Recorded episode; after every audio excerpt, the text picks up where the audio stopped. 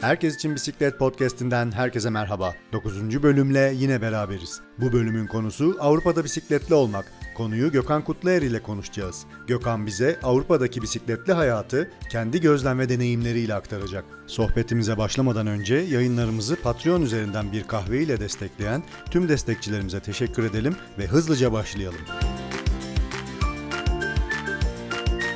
Gökhan programımıza hoş geldin. Merhabalar, hoş bulduk. Bugün senden dinleyicilerimize e, Avrupa'da bisikletli olmak konusunda tecrübe ve deneyimlerini aktarmanı isteyeceğiz. E, sana bu sana bu konuda çeşitli sorularım olacak. Seni bisiklet dünyasında yapmış olduğun çok değerli ve renkli projelerle tanıyoruz. Dinleyicilerimize biraz kendinden bahsedebilir misin? Tabii kısaca bahsedeyim hemen. Ben e, 2012 yılında e, bisiklete nasıl söyleyeyim adım attım hem sportif anlamda hem de sektörel anlamda.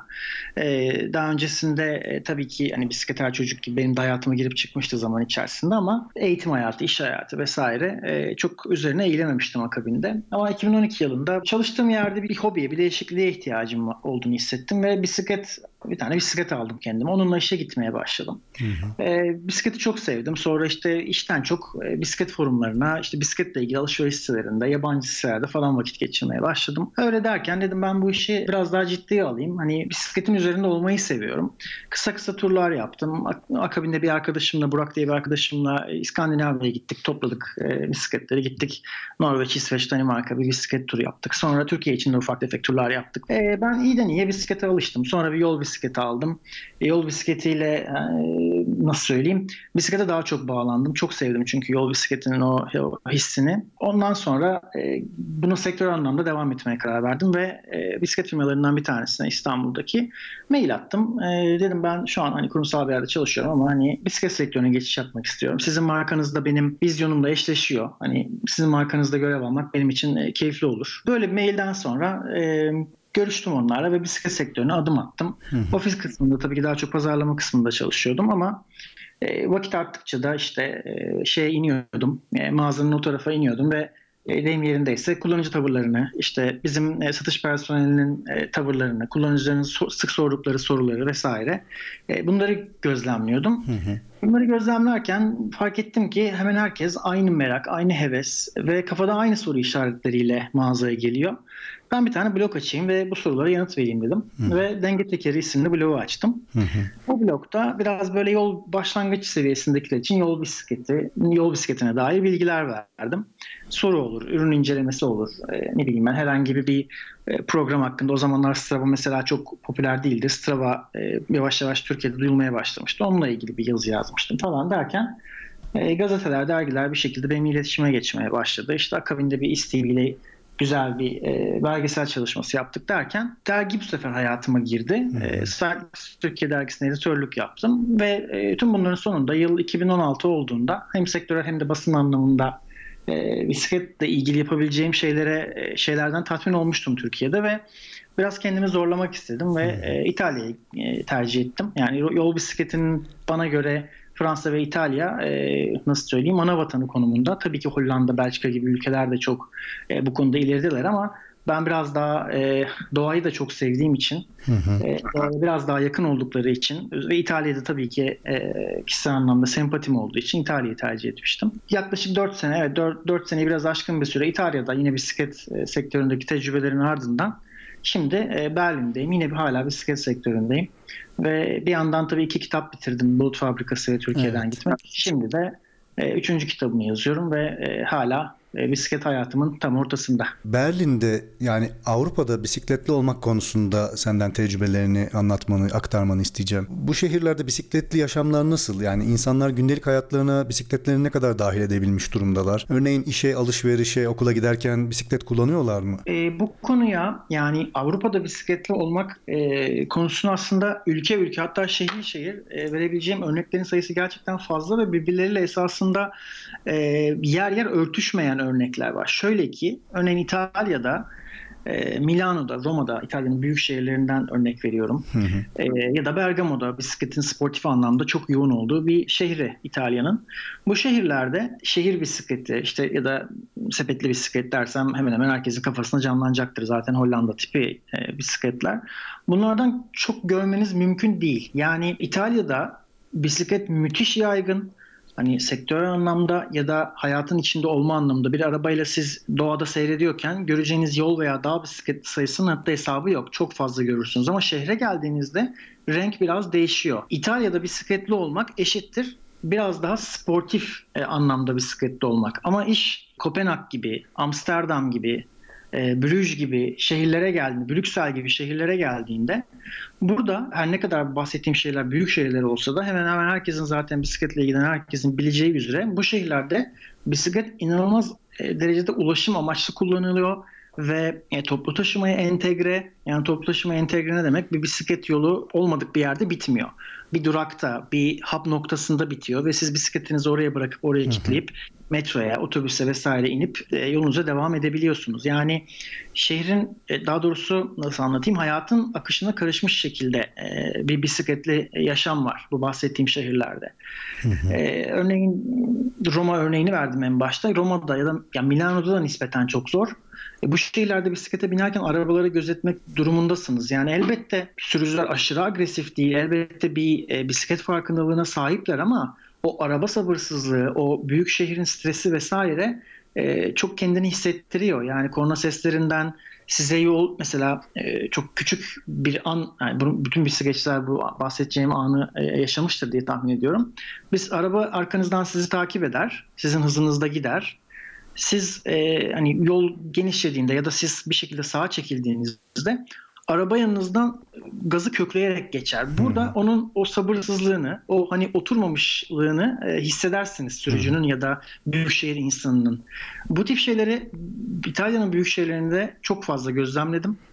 Ama e, Berlin mesela şu an yaşadığım yerde bu tip bir şey gözlemlemedim. E, Berlin'de senin e, konuya girerken söylediğin gibi insanlar gayet alışverişlerine, işlerine bisikletle gidip geliyorlar. Ben de öyle. Hı. Zaman zaman Twitter'da e, konuyla ilgili sabahları özellikle videolar paylaşıyorum işe giderken. Yani araba sürücüleri ve bisiklet sürücüleri arasında müthiş bir e, uyum var. Kimse kimsenin yoluna girip çıkmıyor. Herkes Hı. ışıklara ve kurallara özen gösteriyor. Trafik kurallarına uyma, araçların bisiklette saygı göstermesi eğitimle mi halledilmiş yoksa e, ceza usulüyle mi halledilmiş? Yani ağır cezalar mı var yoksa araç sürücülerinin eğitim düzeyleri, bakış açıları ıı, mı buna el veriyor? Nasıl bir düzenleme var? Şöyle bir e, düzenleme. Elbette caydırıcı cezalar var. Yani ceza olmazsa zaten bu iş olmuyor. İnsanoğlu bir şekilde hani etrafta kimse yoksa işte kırmızıda geçme eğilimi atıyorum mesela. Hı hı. En temel içgüdülerinden bir tanesi. Bu tip şehirlerde, büyük şehirlerde yaşayan insanlar, acelesi olan insanların öyle söyleyeyim. E, tabii ki belli başlı regülasyonlarla bunların önüne geçmeye çalışmışlar. Ama e, bence yani işin nasıl söyleyeyim daha görgü, daha kültürel kısmında şöyle bir detay var. Sen araba sürücüsü olarak o bisikletlerin yanından e, yavaş geçmeyi bir hani ceza işin ucunda olmasa bile esasında e, yavaş geçmeyi akıl ediyorsun. Çünkü muhtemelen senin kızın, senin çocuğun evet. veya senin eşin de zaten e, o esnada ya da bir önceki gün, bir sonraki gün bisikletle bir yere gidiyor olacak. Şehirde o bisikleti kullanıyor olacak. İşine giderken, okuluna giderken. Dolayısıyla empati yapmak çok daha kolay oluyor. Şehirlerde işte bu yüzden ne kadar çok bisikletli görürsek esasında evet. hani sadece arabaların Aa, etrafta çok bisikletli var dikkatli olmalıyım gibi bir tavır değil. Bu esasında etrafta çok fazla bisikletli var ve o bisikletlerden bir tanesi benim arkadaşım, benim ailemden biri diye düşünüp ekstra dikkatli olmaya başlıyor ve dediğim gibi hani o bisikletlerin kendi de belki de bir önceki gün o, o gün araç koltuğunda olan kişi belki de bir önceki gün bisikletle işine gitti geldi bisikletle markete gitti geldi. Dolayısıyla bisikletin yanından çok hızlı geçersen sarsılabileceğini ya da işte ne bileyim hani ona tehlikeli bir e, mesafede yaklaşmaması gerektiğini e, vesaire daha önce kendi de bisikletin üstünde olarak etüt etmiş oluyor. Bu anlamda bence bu bahsettiğimiz büyük şehirlerde hani bisiklet kültürünün çok yaygınlaştığı e, Amsterdam, Kopenhag örneği hep veriliyor. Bu büyük şehirlerde bisikletin yaygınlaşmasının hani tek sebebi ekonomik ya da ceza ile ilgili ya da işte ne bileyim ben hani şey, yaptırımlar. Hani sadece bunlar değil. İşin aslında bence böyle bir e, empati tarafı da var. Bisikletin gündelik hayatı dahil olduğu sosyal mekanlar, e, e, örneğin toplu taşıma durakları ve noktaları, e, alışveriş merkezleri, kafe ve restoranlar bisikletli hayata ne kadar entegre olabilmiş durumdadır? Yani bu tür mekanlar bisikletlilere göre düzenlenmiş durumda mıdır? Evet, bu anlamda e, benim gezdiğim hemen hemen bütün Avrupa şehirlerinde, e, özellikle Merkez Avrupa, Kuzey Avrupa bu anlamda çok e, yol almış durumdalar. Yani bir kafeye gittiğinizde, bir restorana gittiğinizde ya da dediğiniz gibi bir alışveriş merkezinde bisikletinizle oraya ulaşmak istediğinizde bisikletinizi park edebileceğiniz yerlerin sayısı çok fazla. Kilitleyebileceğiniz yerlerin sayısı çok fazla. E zaten eğer yaya geçişine çok fazla engel olmuyorsa herhangi bir direğe, bir ağaca, bir şeye bisikletinizi kitlemenize de kimse karışmıyor esasında.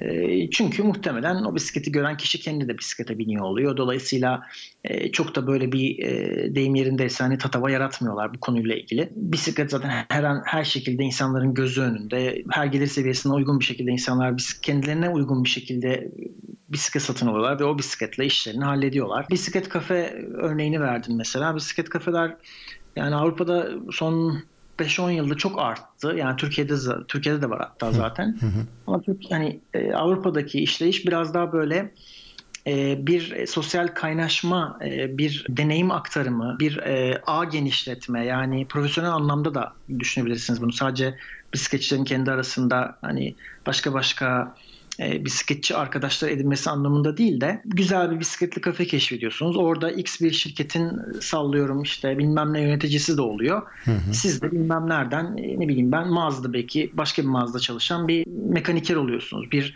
satış temsilcisi oluyorsunuz. Aslında hani belki bir yıl önce o kişiye o bisikleti siz sattınız bir anda e, aynı çatı altında bir araya geliyorsunuz. O bisiklet kafede bir şeyler içerken buluyorsunuz kendinizi. Yani bunlar çok güzel şeyler. Toplumun bambaşka farklı kesimlerinden kişileri bir araya e, getirmesini ben e, çok seviyorum bisikletin. Esasında hani e, bu benzetme sık sık futbol için yapılır ama bisikletin de aslında böyle bir yönü var. Yani bisiklet de gerçekten kız, erkek ya da işte mavi yaka, beyaz yaka nasıl ayırmak istiyorsanız ayırın. Çok farklı toplumun farklı kesimlerinden insanları eğer uygun ortam yaratılırsa bir araya getirme konusunda çok başarılı. Çünkü ortak bir dil var. Yapılmak istenen şey ortak. Doğaya gitmek, gitmekse dağ bisikletiyle veya işte gravel bisikletle doğaya gitmek. Yolda sürmekse sabah 5'te 6'da kalkıp işte yol bisikletiyle gitmekse bir yere tırmanmaksa o. Yani yapılan şey alınan zevk e, ortak olduğu için e, bir yerden sonra o bahsettiğim katmanların çok da önemi kalmıyor hı hı. Ve e, insanlar o tek güzel ortak iyi için beraber hareket ediyorlar. Bu anlamda işte en başa hani ağlarını genişletme konusu bence burada çok kilit nokta. Yani Avrupa'da bu konuyu ben gerçekten çok net gözlemledim hemen her ülkede. Küçük bisiklet kafeler butik markaları satıyorlar. Yani e, genellikle kendi ülkelerinin e, startuplarına e, ait ürünleri satıyorlar örneğin. Garmin'in ya da Wahoo'nun bir ürünü alacağına e, gidiyor X markanın e, bir ürünü alıyor mesela. O, e, o küçük bisiklet kafede gördüğü için hani biraz böyle shop local kafası. Hı hı. E, hani Garmin, Wahoo burada örnek verdim. Hani büyük firmalar demek istiyorum. Bunu kıyafete düşünebilirsiniz. Bunu işte ne bileyim saate düşünebilirsiniz. Ayakkabıya düşünebilirsiniz. Hı hı. Bisikletin herhangi bir aksesuarına düşünebilirsiniz. Bu benim çok sevdiğim bir konsept. X şehrin X mahallesindeki bir bisiklet kafe yine o X şehrin veya o bağlı bulunduğu ülkenin küçük küçük markalarını e, bünyesinde bulunduruyor. Onları satıyor. Birbirlerine destek oluyorlar. O onun Instagram'da e, kafesini paylaşıyor. O onun işte Kalindi kafesinde o ürünün yeni alan müşterinin elindeki ya da bisikletindeki fotoğrafını paylaşıyor derken böyle böyle güzel bir nasıl söyleyeyim ortak paydada buluşuyorlar. Ortak iyide buluşuyorlar. Orada bütün mesele bir bisiklet cemaati gibi düşünün. Bir bir böyle kitle güzel bir kitle kendi kitlesini yaratması çok önemli. Oradaki e, kafe diyelim bisiklet kafenin kendi kitlesini yaratması çok önemli. Yani hizmet anlamında güler yüz anlamında kalite anlamında, satış sonrası servis anlamında eğer bunların hepsini e, güzel bir şekilde sunabiliyorsan zaten e, gerçekten de bisiklete binen, bisiklete sadece binmeyen ama aynı zamanda yan etmenlerini de hani e, alışverişini de düzenli yapan, atıyorum sürüş sonrası kahvesini ya da sürüş öncesi kahvaltısını eden e, insanların hani geldiği sıkça uğradığı bir yer haline geliyorsunuz. Bisiklet kafeye sadece e, bisiklet kafe olarak bir ürün satın alınan, bir para karşılığı hizmet alınan bir yer olarak bakmamak gerekiyor aslında. Evet. Burayı böyle bir güzel bir kitlenin merkezi, böyle info hub gibi düşünmek lazım gerçek anlamda.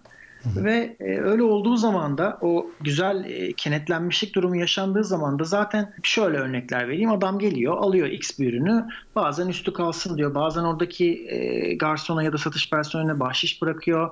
Bazen pazarlık yapmadan bir şey satın alıyor. Yani biliyor ki yani oraya destek olursa orada geçirdiği keyifli vakte e, yatırım yapmış olacak ilerisi için. E, bu hafta sonu grupları e, ve veya amatör yarışlar, hafta sonları gerçekleşen amatör yarışlar bunların hakkında e, gözlemlerini bize anlatır mısın? Tabii bu, e, bu konu esasında gerçekten Avrupa'da çok e, güzel işleniyor. Güzel bir sistem kurulmuş ve tıkır tıkır işliyor. Yani tabii Covid sürecini şu an hariç tutuyorum e, amatör yarışlarla ilgili ya da hafta sonu gruplarıyla ilgili ama normalde e, sırf hafta sonu grubu da değil hafta içi bazen işten önce yani gerçekten böyle o işe kendi bisiklete kendini adamış kişiler sabah 5'te 6'da buluşup 2 saat bisiklete binip eve gidip duşunu alıp sonra işe giden bir gruplar var ya da hafta sonu perşembe akşamları e, bisiklete binen e, bir grup var. Mesela şu an çalıştığım Berlin'de benim çalıştığım Standard Bicycles e, saat akşam 5 ile 7 arası ya da 7 ile 9 arası kalabalığa bağlı olarak sürüşler gerçekleştiriyor ve artık Berlin'de bunu oturtmuşlar mesela. Yıllardır yap- yapıyorlar bunu ve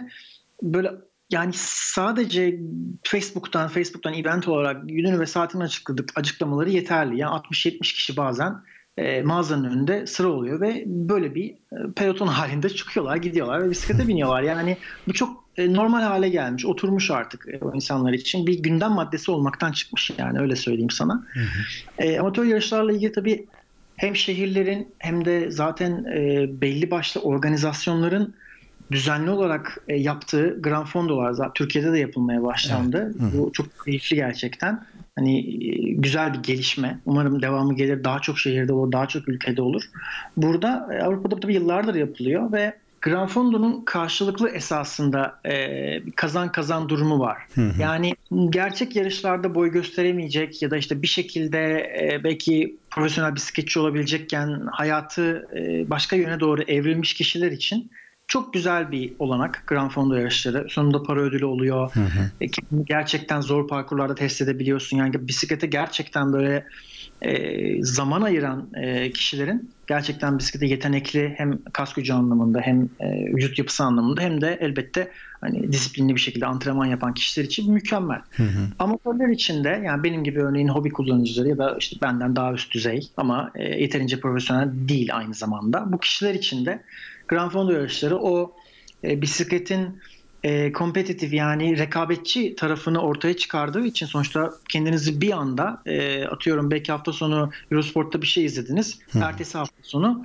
e, küçük bir peloton deneyimi sizi bekliyor Grand Fondo'nun içerisinde. Yani bu paha biçilmez bir deneyim bence. Hani e, ücreti ne olursa olsun ya da işte uzaklığı ne olursa olsun bence bisikleti paketleyip gidip orada o yarışı koşmak, o deneyimi elde etmek, bu yarış ortamında olmak, zaten yarışın öncesi ve sonrası da esasında çok keyifli oluyor. Öncesindeki o e, deyim yerindeyse fuaye alanında e, gelip markaların açtığı standlarla e, o, o kişilerle konuşmak, gelen e, ünlü isimler olabiliyor bazen Grand Fondo etkinliklerine. O kişilerle tanışabilmek, söyleşiler olabiliyor örneğin e, bu tip etkinliklerde. O söyleşilere katılıp belki genel kültürünüze bir şeyler ekleyebilmek. Bunların hepsi aslında hani Grand Fondo atıyorum 150 kilometre yarıştın ve evine döndüğün gibi bakmamak lazım. Bu esasında büyük bir paket. Yani bu anlamda işin vintage boyutu bile çok zengin. Yani Eloika'yı mutlaka biliyorsundur. Eloika hı. e, bu sene koşulmayacak tabii ama e, her Ekim'in ilk pazarında e, Chianti'de, Gaiole'in Chianti'de, Toskana'da, İtalya'da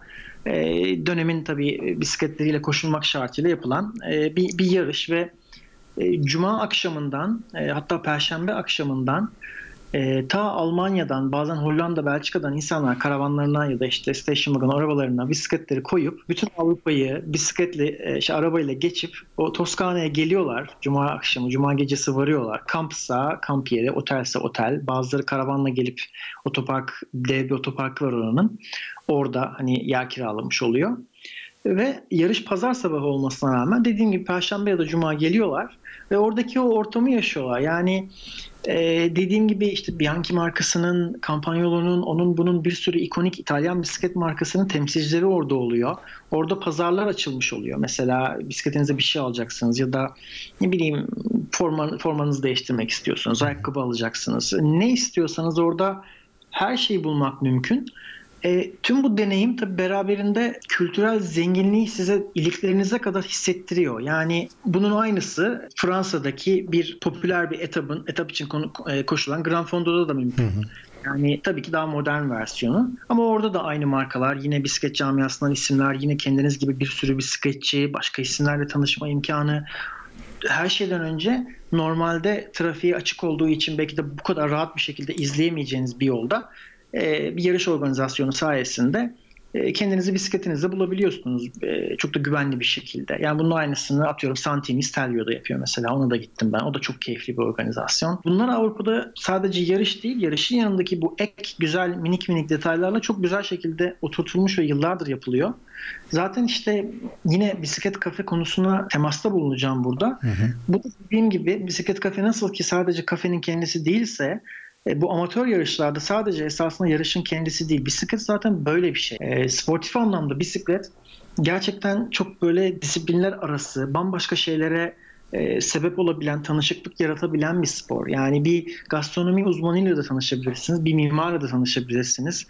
E, dediğim gibi bisiklet markasının, X markanın pazarlama ya da işte satış yöneticisiyle de tanışabilirsiniz. Sosyal medyasını yapan kişiyle tanışırsınız, e, fotoğraf çekersiniz beraber, fotoğrafınızı beğenir, sosyal medyaya koyar, size etiketler falan böyle tatlı tatlı tesadüfler olabilir. Yani bunlar hepsi o kadar olası ki siz oradayken. Zaten bütün bu deneyimi bisiklet hani anlatırken bile şu an çok hoşuma gidiyor. Bütün bu deneyimi zengin kılan, e, yapılır kılan şey e, bisiklet anlamında bu bu çok renklilik. Bu bu disiplinler arası transparanlık. Yani bu gerçekten benim belki de her sporda bulunamayacak. E, bisikletin tabii ki insanla direkt olarak etkili olmasından mütevellit. Yani sonuçta siz pedalınızı çevir, pedalını çevirmezseniz gitmeyen bir aletten söz ediyoruz. E, insana o kadar bağlı ve insani yönü o kadar e, kuvvetli bir spor dalı ki bisiklet. Hı-hı. Oradaki insanlarla hemen hemen siz e, aynı dil zaten bir şekilde konuşuyor oluyorsunuz. Peki Gökhan, şu ana kadar hep sosyal hayatın içerisindeki bisikleti konuştuk. Daha sonra spor amaçlı yapılan binişleri konuştuk. Tur bisikletçiliği konusunda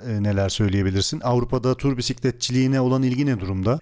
Avrupa'da benim gözlemlediğim kadarıyla şu an iki tür e, tur bisikletçiliği yaygın. Bir tanesi bildiğimiz geleneksel çantaları takıp hani zaten 10 yıllardır yapılan e, bisiklet turu öne veya arkaya veya işte kadronun üstüne takılan çeşitli çantalarla beraber uzun yollara çıkıyorsunuz ve bacaklarınız ne kadar size izin verirse ya da nasıl bir boşluğunuz varsa gün anlamında o kadar e, tura çıkıyorsunuz. Ya da son dönemde özellikle gravel bisikletlerle beraber bikepacking çok moda olmaya başladı. 2-3 e, çeşit biraz daha hafif çantalarla gidona takılan, e, kadronun üst borusuna monte edilen ya da arkada seleye takılan biraz daha nispeten tur çantalarından küçük çantalarla beraber tur yapmak çok daha popüler hale geldi. Özellikle e, bu son dönemde Eurovelo bisiklet yollarının daha popüler hale gelmesiyle, daha kapsamlı hale gelmesiyle hı hı. hem e, tabii ki bu ilk anlattığım geleneksel turcuları hem de bikepacking e, anlamında bisikletle tur yapmak isteyen kişileri müthiş cezbediyor. Yani ben mesela e, Berlin'de ben Berlin'den yakın zamanda bir hani e, küçük bir tur yapmak istiyorum 4-5 günlük. Hı hı. Belki Prag'a gitmek istiyorum. Prag'a gittim daha önce ama bisikletle gitmedim. Ben e, şeyde çok meraklıyım da şehirlere böyle uçakla girmeyi çok sevmiyorum ama hı.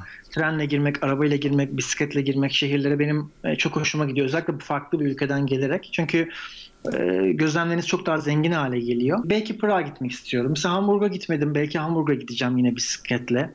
Ve bu Eurovelo dediğim bisiklet yolları o kadar güzel yollar ki yani hemen hemen hiç kesintiye uğramadan o harita üzerinden işaretlediğiniz bisiklet yoluna girdiğiniz andan itibaren sizi gitmek istediğiniz destinasyona direkt olarak götürüyor ve gerçekten güzel yerlerden geçiyor. Yani örneğin Almanya'nın güneybatısında Mosel Nehri'nin kenarlarındaki işte e, şarap bağlarından geçmek istiyorsanız oradan geçen bisiklet yolu da var mesela. Eğer öyle bir tur yapmak istiyorsanız, şarap tadımı da yapmak istiyorsanız e, rotanızı o şekilde belirliyorsunuz ve oradan geçerek atıyorum e, Lüksemburg'a ya da Belçika'ya gidiyorsunuz. Böyle imkanlar da veriyor. Yol üstündeki tesisler de tabii ki ona göre düzenleniyor. Yani bisiklet dostu oteller, işletmeler, kafeler, restoranlar ismini her neyse artık e, o yolların kenarlarında ya da o yolların yani o güzergahın etrafında şekillenmiş, şekillenmiş oluyor.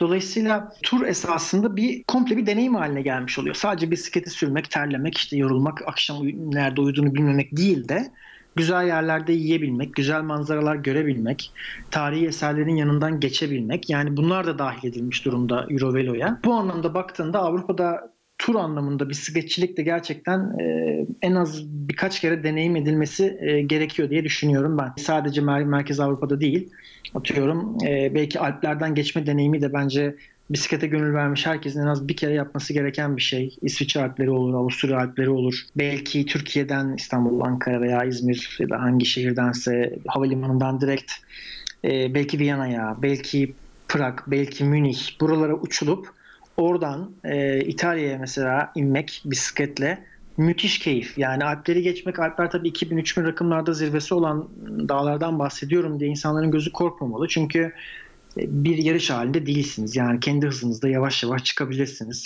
Gerektiğinde çok yorulursanız bazı etapları trenle geçebilirsiniz. Dert değil. Ama dediğim gibi o şeyleri yaşamak lazım tecrübeyi. Kes, kesintisiz bir rota dediğin gibi e, Norveç'ten başlayan ve 13 ülkeyi geçen bir Eurovela ağı. Bildiğim Hı-hı. kadarıyla bu yıl e, İstanbul e, Eurovela'nın 13 numaralı destinasyonu e, olacaktı. Bunun dahil evet. edilmesi için çalışmalar evet. başladı ama tabii son durumun ne onu bilmiyorum. Umarım Hı-hı. yarın öbür gün hani İstanbul'dan başlayan bir Eurovela ile Avrupa'yı dediğin gibi bu güzergah evet. üzerinden gezebilmek, geçebilmek daha doğrusu müthiş bir deneyim olur herkes için. Hı hı, kesinlikle katılıyorum. Çünkü bisikletin bir de o kapıdan kapıya deneyimi bence gerçekten güzel. Tabii ben az önce hani Münih'e gidilir oradan binilir bisiklete dedim ama şeyde yapılma ihtimali var. Gerçekten çok vaktiniz varsa gerçekten böyle İstanbul'dan bisiklette pedallamaya başlayıp böyle kapınızın önünden çıkıp o bisiklet yoluna girip Oradan artık hani nereye gitmek istiyorsanız kuzeye, güneye ya da e, ne bileyim Merkez Avrupa'ya doğru bisikletle hiç kesintiye uğramadan sürmek de eşsiz bir keyif. Çünkü az önce söylediğim gibi bisikletle giderken ülkelerin e, yani ülkelerin sınırlarını bisikletle geçmek çok güzel bir deneyim. Mimari değişiyor, insanların Hı-hı. tipleri değişiyor, konuştukları dil değişiyor, size ikram ettikleri şeyler değişiyor, suyun tadı değişiyor. Yani düşünsenize evet. ülke geçtikçe o etraftaki şey, o boyut bir anda değişiyor. Ben ya onu çok seviyorum. Beni çok heyecanlandıran bir duygu. Eminim bisiklet turu yapan herkesi de e, heyecanlandırıyordur. Sırf hani bu tip deneyimler için bile bu e, bisiklet turu, Eurovelo hani denenmeye e, değer. Sevgili dinleyiciler bugünkü konumuz Avrupa'da bisikletli olmak üzerineydi. Konu ile ilgili olarak Gökhan Kutler ile görüştük. Ee, Gökhan bize değerli vaktini ayırdı e, ve deneyimlerini aktardı. Gökhan bize vakit ayırdığın için çok teşekkür ederiz. Ee, gelecek programlarda seninle tekrar görüşmek dileğiyle diyorum. Kendine iyi bak, hoşça kal. Hoşça kal, çok teşekkür ederim. Programımızın sonuna geldik. Vakit ayırarak dinlediğiniz için teşekkür ederiz. Programlarımıza herkes için bisikletpodcast.com sayfamızdan erişebilir, istek ve görüşlerinizi bizimle paylaşabilirsiniz. Yayınlarımıza bir fincan Türk kahvesi ile destek olmak isterseniz Patreon üzerinden Herkes için Bisiklet Podcast'ine küçük katkılar yapabilir, bizi destekleyebilirsiniz. Gelecek programlarda görüşmek dileğiyle. Hoşçakalın.